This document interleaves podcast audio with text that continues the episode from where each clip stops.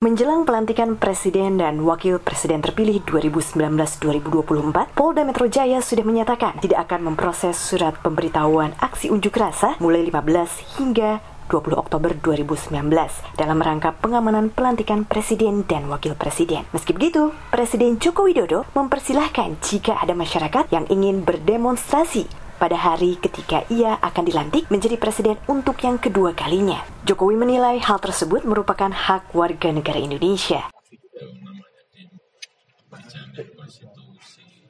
dari tanggal 15 sampai 20. Nanti ada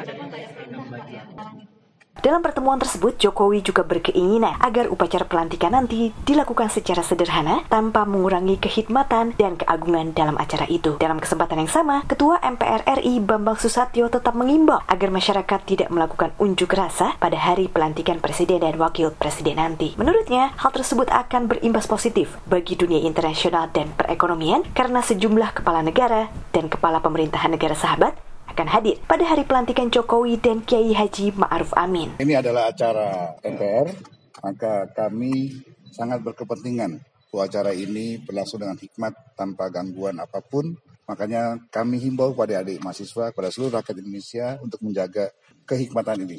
Karena suksesnya acara pelantikan presiden akan memberi pesan positif bagi dunia internasional dan itu akan juga membantu perekonomian kita dengan ekonomi yang baik, maka itu sama dengan membantu rakyat kita semua. Sementara itu, dalam konferensi pers terpisah, Kepala Staf Kepresidenan Muldoko mengatakan, bahwa rencana relawan yang akan mengadakan perayaan berupa karnaval budaya sepanjang Jalan MH Tamrin hingga Jalan Merdeka Barat usai Jokowi dan Kiai Haji Ma'ruf Amin dilantik dibatalkan. Alasannya, kata Muldoko, Jokowi tidak ingin ada perayaan yang berlebihan dan ingin segera bekerja. Meski begitu, pihaknya sangat menghargai perhatian yang begitu besar dari para relawan tersebut. Jadi untuk itulah tidak perlu dilakukan acara seperti yang saya sebutkan tadi ada karnaval dan seterusnya karena presiden menginginkan sudah jalan saja sederhana, tetap khidmat dan beliau ingin eh, menginginkan segera bekerja kita. Itu poinnya. Jadi tidak perlu ada sebuah euforia. Kelompok pendukung Presiden Joko Widodo, Pro Jokowi atau Projo memahami keinginan Jokowi yang tidak ingin ada perayaan kemenangan yang berlebihan. Ketua Umum DPP